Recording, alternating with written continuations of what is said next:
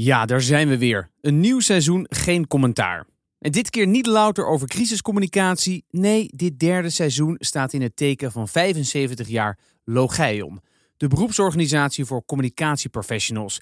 Mede op initiatief van Omnicom PR Group. In vijf afleveringen behandelen we de meest uiteenlopende communicatieonderwerpen. Van influencers tot interne communicatie, van transparantie tot oprechte leugentjes. Maar we beginnen met de verkiezingen. Of beter gezegd, de kracht van een goede politieke social media campagne. En zeker nu, binnen in corona, verschuift het strijdtoneel zich steeds meer naar online.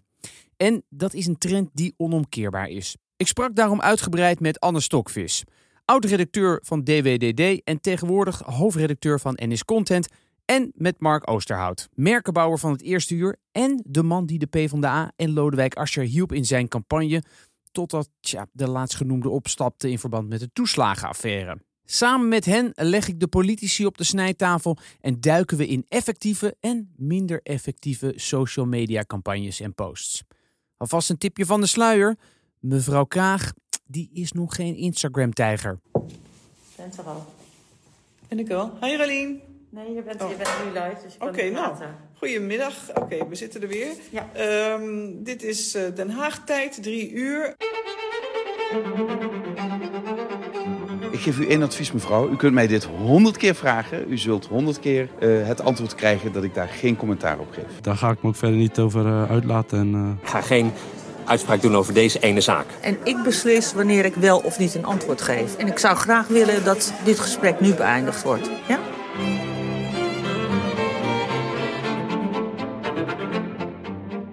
Ik wil even beginnen met eh, wat maakt nou een goede social media campagne, Anne, voor, voor politieke partijen slash voor een politicus? Nou, uiteindelijk wil je natuurlijk meer stemmen.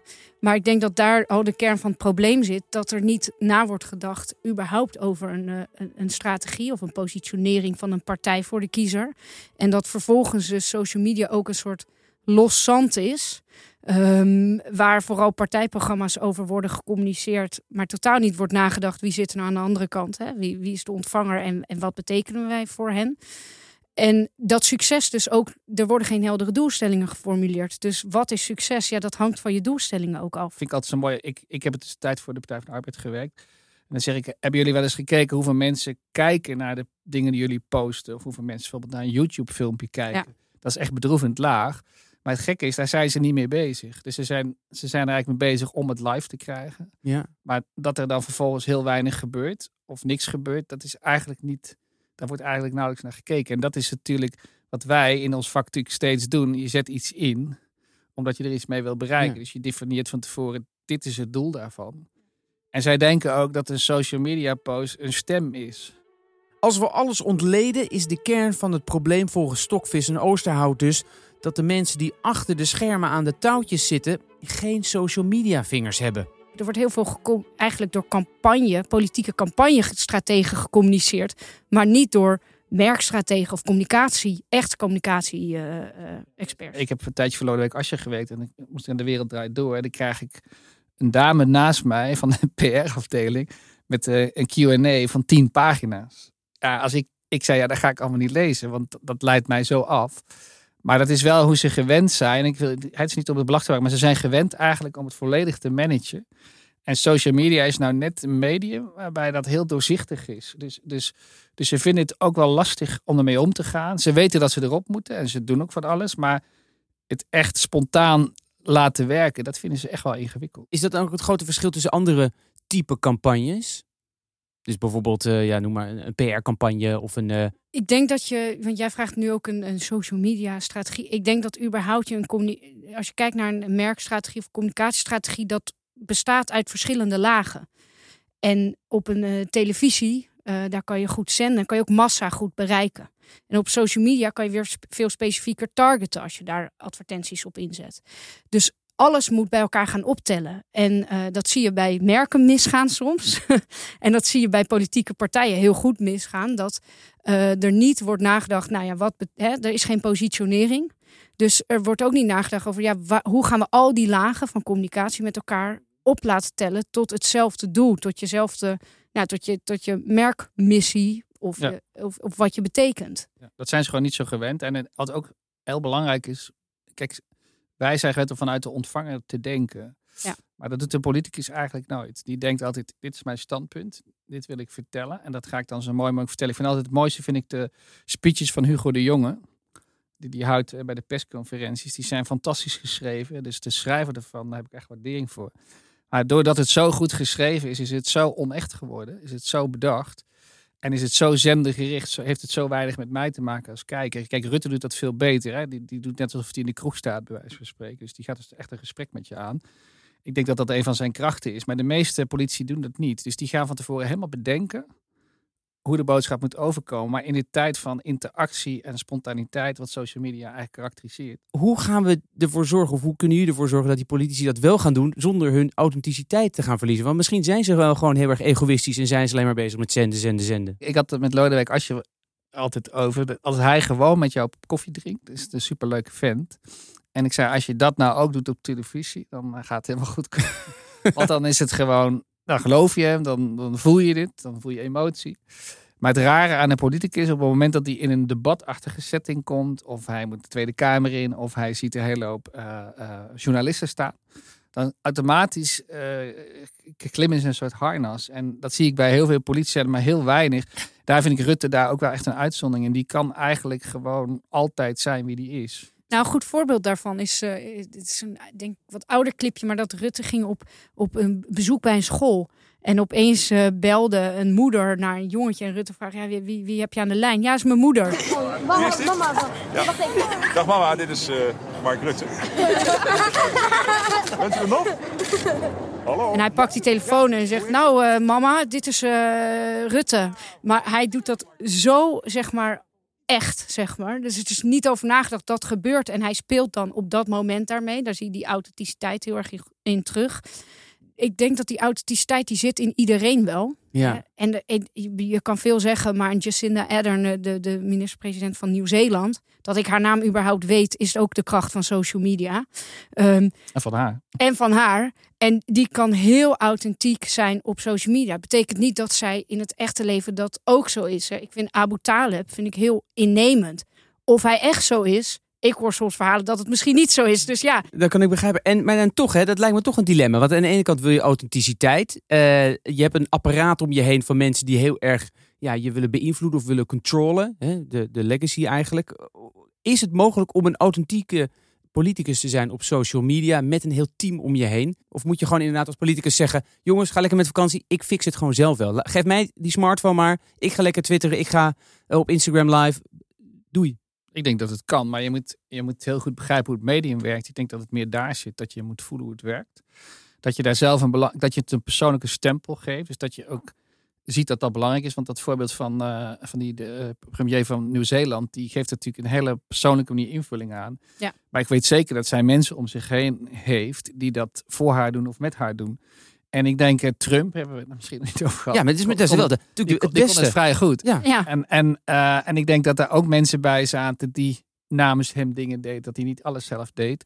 En eh, dus het kan volgens mij hartstikke goed. Alleen je moet heel goed weten wat het medium voor jou kan zijn. Kijk, social media heb je natuurlijk in alle smaken en kleuren. Van Instagram tot Twitter, Facebook, TikTok. En de ene boodschap past nou eenmaal beter bij het ene medium dan bij het andere. En daar wil het dus wel eens misgaan. dat zie je ook, dat, dat het team eromheen, die denkt gewoon, social media is een kanaal. We plempen het gewoon vol met allemaal dezelfde boodschappen. We, we doen het in, eh, nou, in vaktermen, in 1-1 formaat, in 9-16 formaat en 16-9. Dus dat zijn alle formaten die je op social hebt. 4-5 heb je ook nog. En dan vullen we het helemaal vol met dezelfde boodschap. Ja. En dat zie je, eh, ik denk van de week een goed voorbeeld. ehm, een, eh, een goed voorbeeld is de, de CDA-post met alle emoticons, waarbij een soort van ja, partijinslag tot emoticons wordt ge- gereduceerd. Ja, weet je, social media is geen emoticon. Je onderschat daarmee ook de gebruiker waarmee je communiceert. Hè? Dat dat het niveau, zeg maar, is. Ja, of je, of je infantiel bent. Ja, nou ja, de, de schoen van Kaag, de, de gimp van Kaag. Daarmee onderschat je ook, zeg maar, met wie je communiceert. Want iedereen denkt, ja, die ziet daar gewoon een bedachte marketingstrategie omheen. Wij worden allemaal media-wiser ook, weet je wel. Dus vier jaar geleden was social media was echt ook voor heel veel gebruikers nog ook iets nieuws. Ik weet nog wel dat ik echt tegen, nou, ik zat bijna nog op middelbare school, maar dat, dat ik tegen eh, vriendinnen zei van, nou, ik krijg straks gewoon reclames met, eh, van Nike omdat ik Nike een cool merk vind. Dat kan toch niet? Nou ja, nu, vinden we het juist fijn dat dat wordt aangeboden. Dus we worden ook steeds media-wiser en we weten steeds meer ook dat wat marketing is. Oké, het gaat dus om authenticiteit, het juiste medium kiezen dat bij je past en het aller, allerbelangrijkste, de juiste boodschap. En het dus niet doen om het doen. En vooral de hippe man aan de linkerkant van het politieke spectrum, die doet het volgens mijn gasten niet echt lekker. Ik krijg regelmatig uh, allerlei reacties op dingen die ik post uh, online. En ik heb niet altijd uh, de tijd om, om erop te reageren. Maar voor vandaag ga ik eens even rustig voorzitter. Wat ik een heel slecht voorbeeld is dat TikTok-voorbeeld van Klaver. Van Jesse Klaver, ja. Dat je dat echt bedacht. Oh, TikTok, dat is voor jonge mensen en dan moet je een dansje op doen. En dan... Maar wat had Klaver dan moeten doen? Had hij überhaupt niet op TikTok moeten gaan of had hij gewoon wat had hij? Nou ja, ik, mijn eerste vraag is waarom doe je dit? Ja, dat- Wat wil je hiermee bereiken? Waarom ga je op TikTok? Nou, daar. Omdat de jeugd daarop zit. En ik wil de jeugd bereiken. Ja, maar dat... Zo denk ik dat ze, dat ze gedacht Ja, hebben. Dat zal wel, maar dat is, dat is een hele. Ja, kijk, als je daar niks te vertellen hebt, en volgens mij heb je op TikTok niks te vertellen. En ook als ik kijk naar het bereik van TikTok, denk ik dat daar helemaal niet heel erg interessant is om daar überhaupt te zijn. Maar je voelt aan alles, ik wil hip doen. Ja. Dat is wat je communiceert. Ja. En dat halen mensen er ook uit. En, en dat zie je ook. En, en dat is wat er heel veel gebeurt. Dus het is toch niet goed begrijpen. Wat- Ik vind toch dat je dan niet bij jezelf blijft. Je moet veel meer denken, wat vind ik nou zelf belangrijk? En daar moet je je kanalen bij zoeken. En ik denk daar dan een eh, goed. Ik vind Kees van der Staaij dus ook een goed voorbeeld. Want die doet dan Studio SGP. Die bedenkt ook niet, ik word de presentator van Studio SGP. Dus die laat iemand anders presenteren. En hij schuift onder andere dus bij Kerst, wat een fantastische aflevering is op YouTube. ehm, met zijn vrouw aan en is daar heel erg zichzelf. Lieve allemaal, ik ben Marlies van der Staaij. Naast mij staat mijn echtgenoot Kees. En rechts van mij staat onze lieve dochter Camilla. Wij hopen voor u een lied te gaan spelen en te zingen. En het lied heet Komt allen tezamen. Dit is eigenlijk een huiselijk tafereeltje zoals dat bij ons elk jaar rond kerst gaat. Dat we met elkaar ook wat muziek maken. En, eh, en, en je krijgt een soort inkijkje in deze conservatieve familie die ook op YouTube dat uitzendt. En ook niet op TikTok gaat zitten of Instagram, dat soort dingen. En een, een ander goed voorbeeld, Bernie Sanders doet dat ook. Hè? Ja. Die, die gebruikt wel Facebook, maar die gaat niet daar cool doen. Dus die heeft dan een boodschap en dat duurt dan veel te lang voor Facebook. Maar dat gaat wel dan weer helemaal viral. Ja. Omdat hij heel erg zichzelf is. En als hij die massa-attentie heeft, dus dat gaat viral. Dat zag je ook met die, de wanten, hè? de foto met de wanten, wat als een meme werd hij overal ingeplaatst. Dat gaat dan viral, dat heeft massa-attentie. En dan pakt hij het moment en gebruikt hij het. Dus gaat hij shirts maken en daarvan verkopen. Dus dan weet hij dat ook nog naar zijn eigen hand zeg maar, om te zetten. Maar hij bedenkt niet van tevoren, dit moet viral gaan. Hij is zo authentiek dat mensen het aandoenlijk vinden en daardoor het groter wordt. Maar ja, weet je, aan de andere kant van de staai, Bernie Sanders, ja, het zijn natuurlijk altijd wel een beetje die gekke ooms. Daar moet je altijd wel om lachen. Ik bedoel, het zijn geen serieus, serieuze Ja. contenders. Ik bedoel, ja, Nou. van de staai gaat natuurlijk nooit heel groot worden. Bernie Sanders gaat het ook niet worden. Nee, maar ik, ik gebruik het ook meer als voorbeeld van. Volgens mij moet je heel erg weten wie je zelf bent en wat je kan. En dan de media voor je laten werken. En Jacinda Ardern, die weet ook goed, die gaat dus niet oud en stoffig. Wat zou Jesse Klaver dan kunnen leren van Bernie Sanders of van, van de staai? Nou, wat zij allemaal van mensen zoals Bernie Sanders, maar ook een Jacinda Ardern, die dat heel erg op haar manier doet. Ehm, Alexandria eh, Cortez, AOC, eh, nou, een senaatslid in, in Amerika die wij bij naam kennen. Ehm, die doen het allemaal, zien ze heel goed wat hun kracht is, wat goed bij hun past. En ze blijven heel authentiek zichzelf daarin. Dus bij Bernie Sanders gaat niet hip doen. Jacinda Ardern die begint op Facebook live te gaan. Die zegt, nou, mijn kids liggen op bed. En die, die, ze is ook gewoon een moeder van in de veertig. En dat, ze doet ook zich niet anders voor. Ze doet niet of ze hip is of low culture of high culture. Ze is zichzelf. En AOC is natuurlijk een beetje de wat meer millennial nieuwe. En die, die gaat een IKEA-kast in elkaar zetten live op Instagram. Die zegt, nou, dit duurt zo lang. Hier heb ik, eh, Ja. Stel me maar wat vragen. Dus die blijft heel erg ook bij wie zij is en wie haar doelgroep ook is. Ja, en, en wij hebben Jesse Klaver in een eikeltjespyjama. Ja, maar Ik, vind, ik vind Jesse Klaver... Kijk, mijn grootste probleem met Jesse Klaver is dat ik denk dat hij... Hoe hij is, te veel bedenkt. Terwijl ik denk dat hij in de basis gewoon een leuke, leuke vent is. En dat hij echt wel ook heel veel weet van wat hij doet. Bent er al.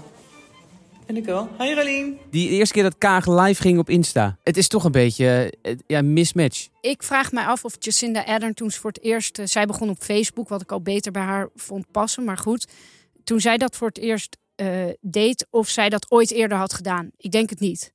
Dus wat is jouw rol als team om even heel goed haar te laten zien hoe dat werkt? Want iedereen waarmee zij communiceert, we zijn op Instagram, die gebruikt Instagram. Dus die weet heel goed hoe Instagram werkt. En dan zie je vervolgens iemand daarmee mee kloten. Hè. Zij, ging, zij ging live in gesprek met iemand in Washington, volgens mij. Nee, je bent, je bent nu live, dus je kan Oké, nou, praten. goedemiddag. Oké, we zitten er weer. Ja. Ehm, dit is eh, Den Haag tijd, drie uur. Ik eh, verbind hopelijk snel met Ralien Bekkers. Die woont in Washington D.C.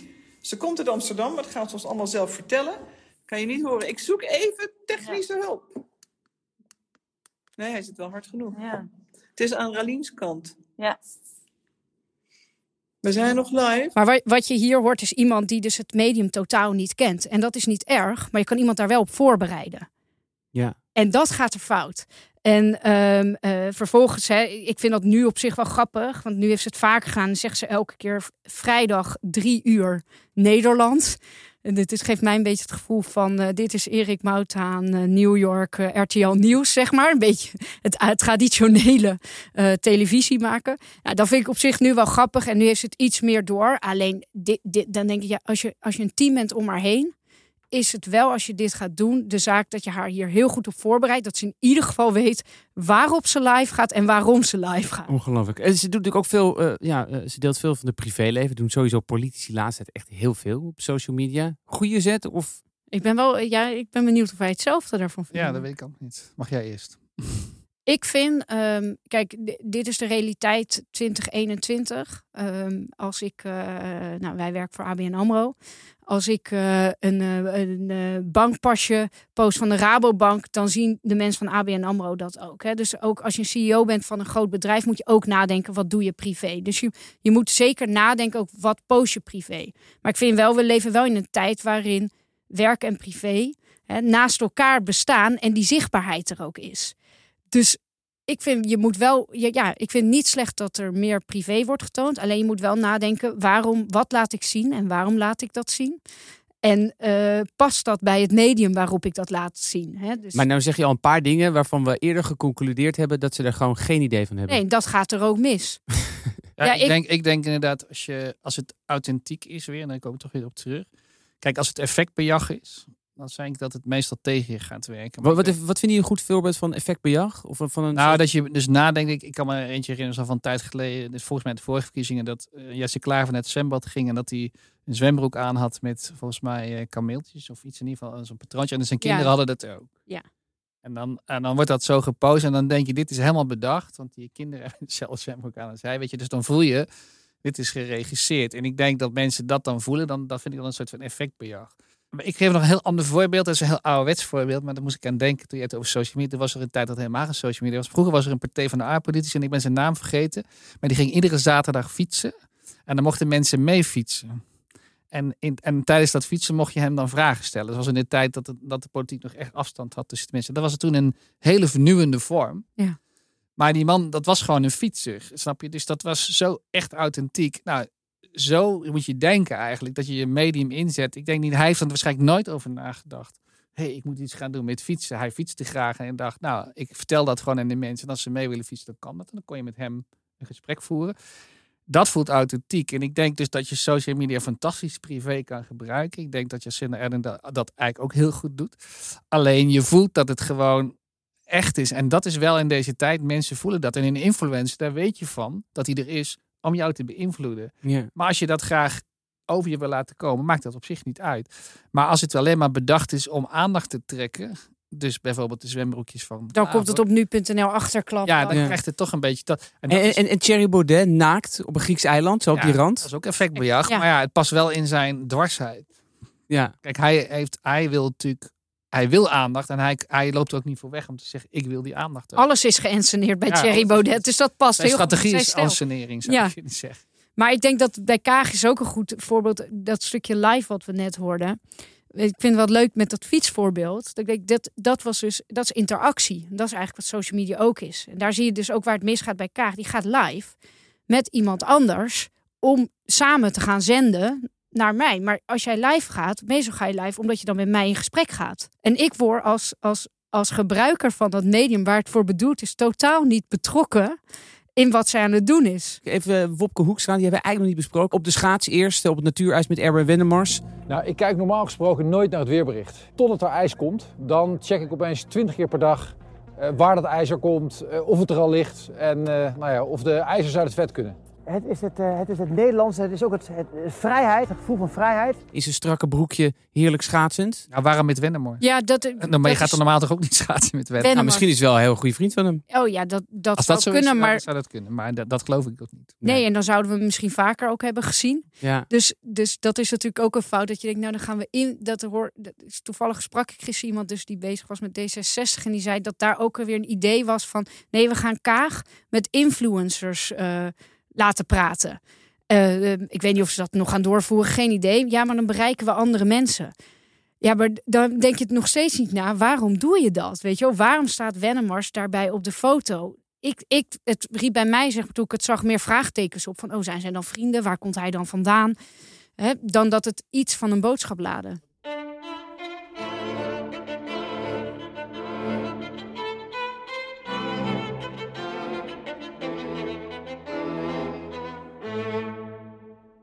We hebben nu al veel voorbeelden gehoord van hoe het onze politici vergaat op social media. En veelal zit er dus geen echte goede strategie achter. Gewoon live gaan is al een doel op zich, terwijl het uiteindelijk moet gaan om meer kiezers te bereiken.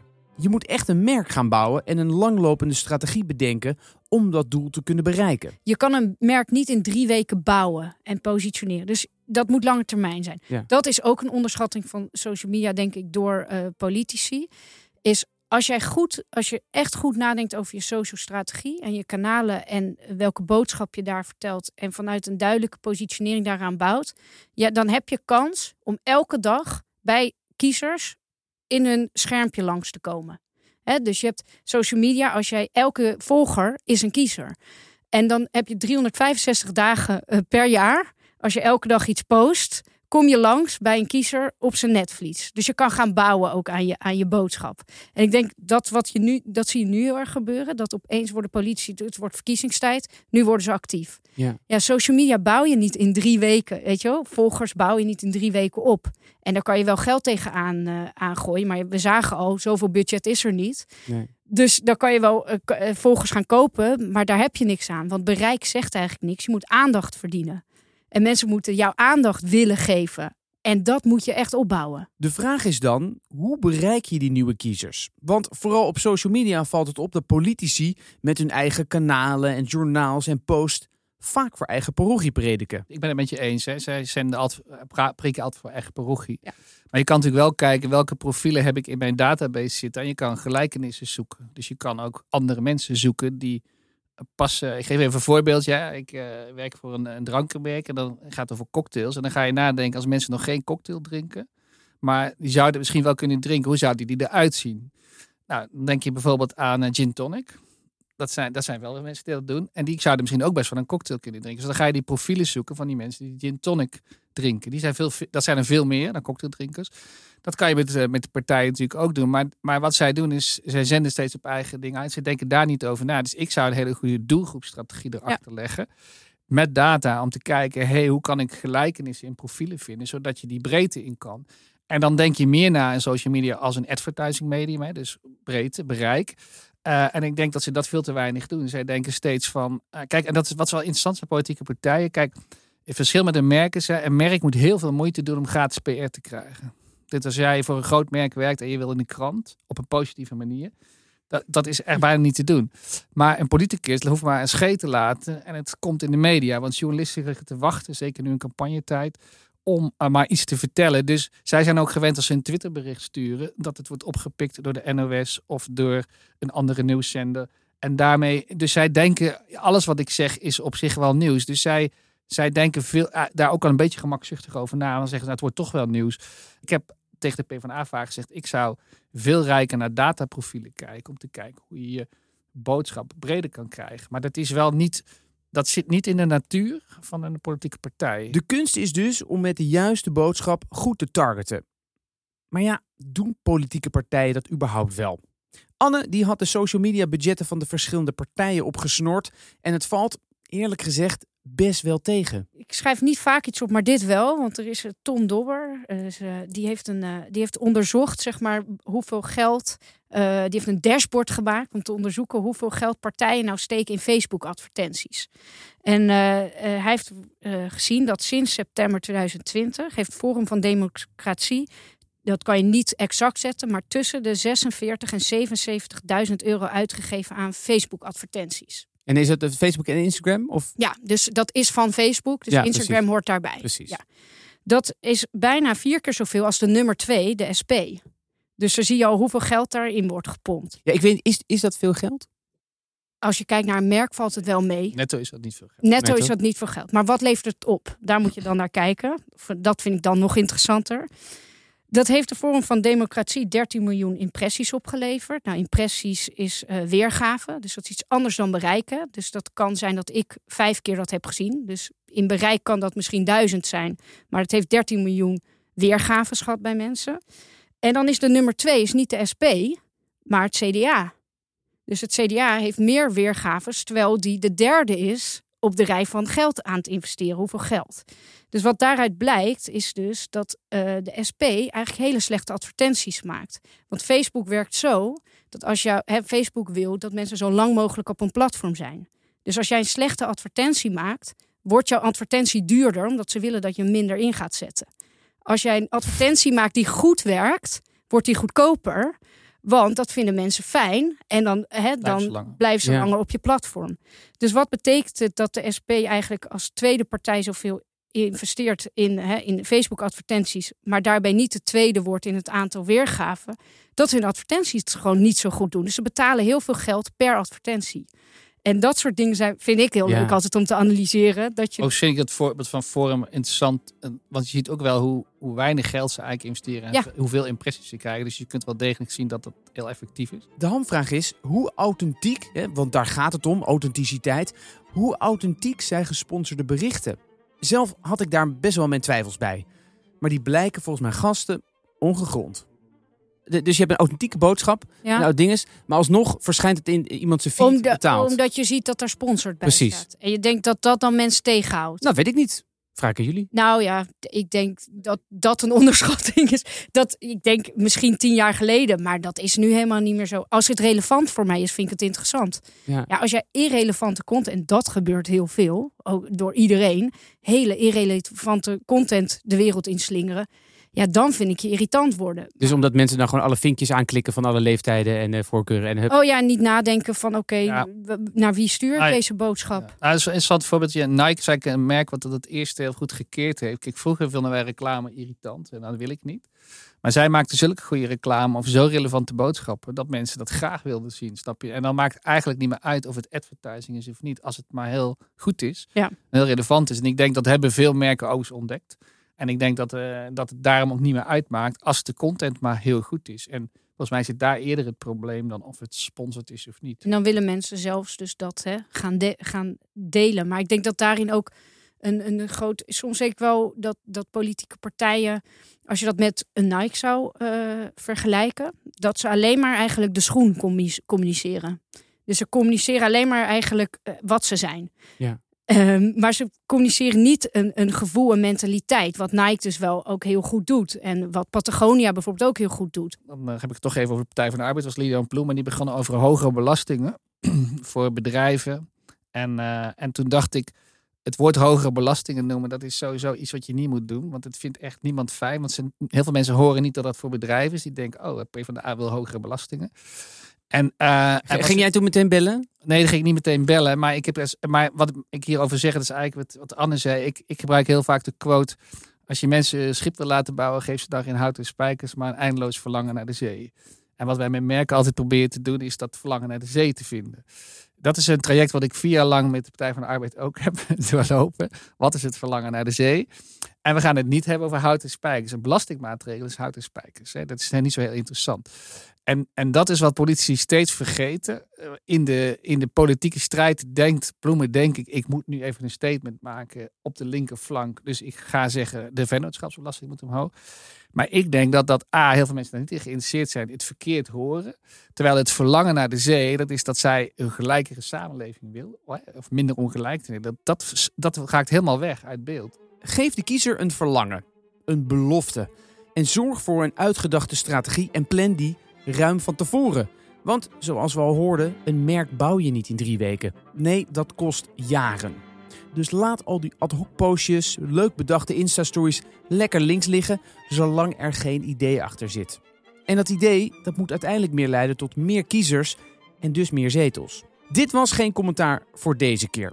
Oh ja, voordat we het vergeten, hoe kijken Mark en Anne eigenlijk naar de koploper in de peilingen? Mark Rutte, de man die eigenlijk al jaren aan zijn eigen merk poetst. Nou ja, kijk, eh, Mark Rutte verstaat gewoon de kunst om alles wat. Misschien is alles geanceneerd in Mark Rutte, dat weet ik eigenlijk helemaal niet. Maar ik vind dat hij het over het algemeen heel natuurlijk doet. En ik denk dat hij het ook bewust doet zoals hij het doet en dat het daarom toch goed voelt. Eh, dan is er een eh, interessant Butterfly Keeps Flying.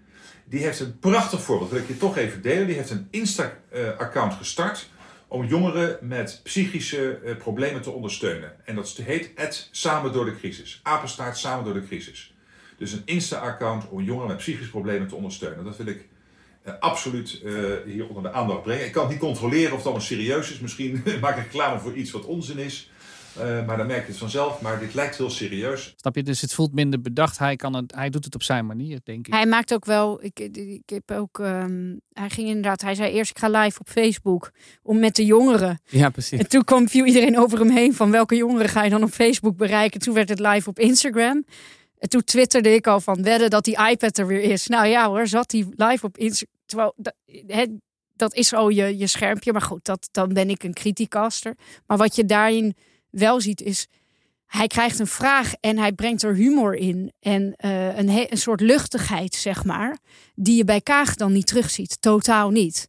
En dan is ook de vraag: is dit wel het ideale medium voor Kaag? Dat weet ik niet. Want er moet ook wel iets van die luchtigheid in zitten. En dat vind ik dat Mark Rutte heel goed doet. Dus een andere kernkwaliteit van Rutte is kwetsbaarheid. Dus ja. wat hij durft te doen. Dus even dat hij durft toe te geven dat hij dat even niet goed heeft gezien. En hij is daar eerlijk over en dat vinden heel veel politici moeilijk. Dus heel veel politici gaan dan uh, A doen en die gaan iets verzinnen. En hij zegt gewoon, dat zie je ook bij de persconferenties, ja, dat heb ik verkeerd gedaan.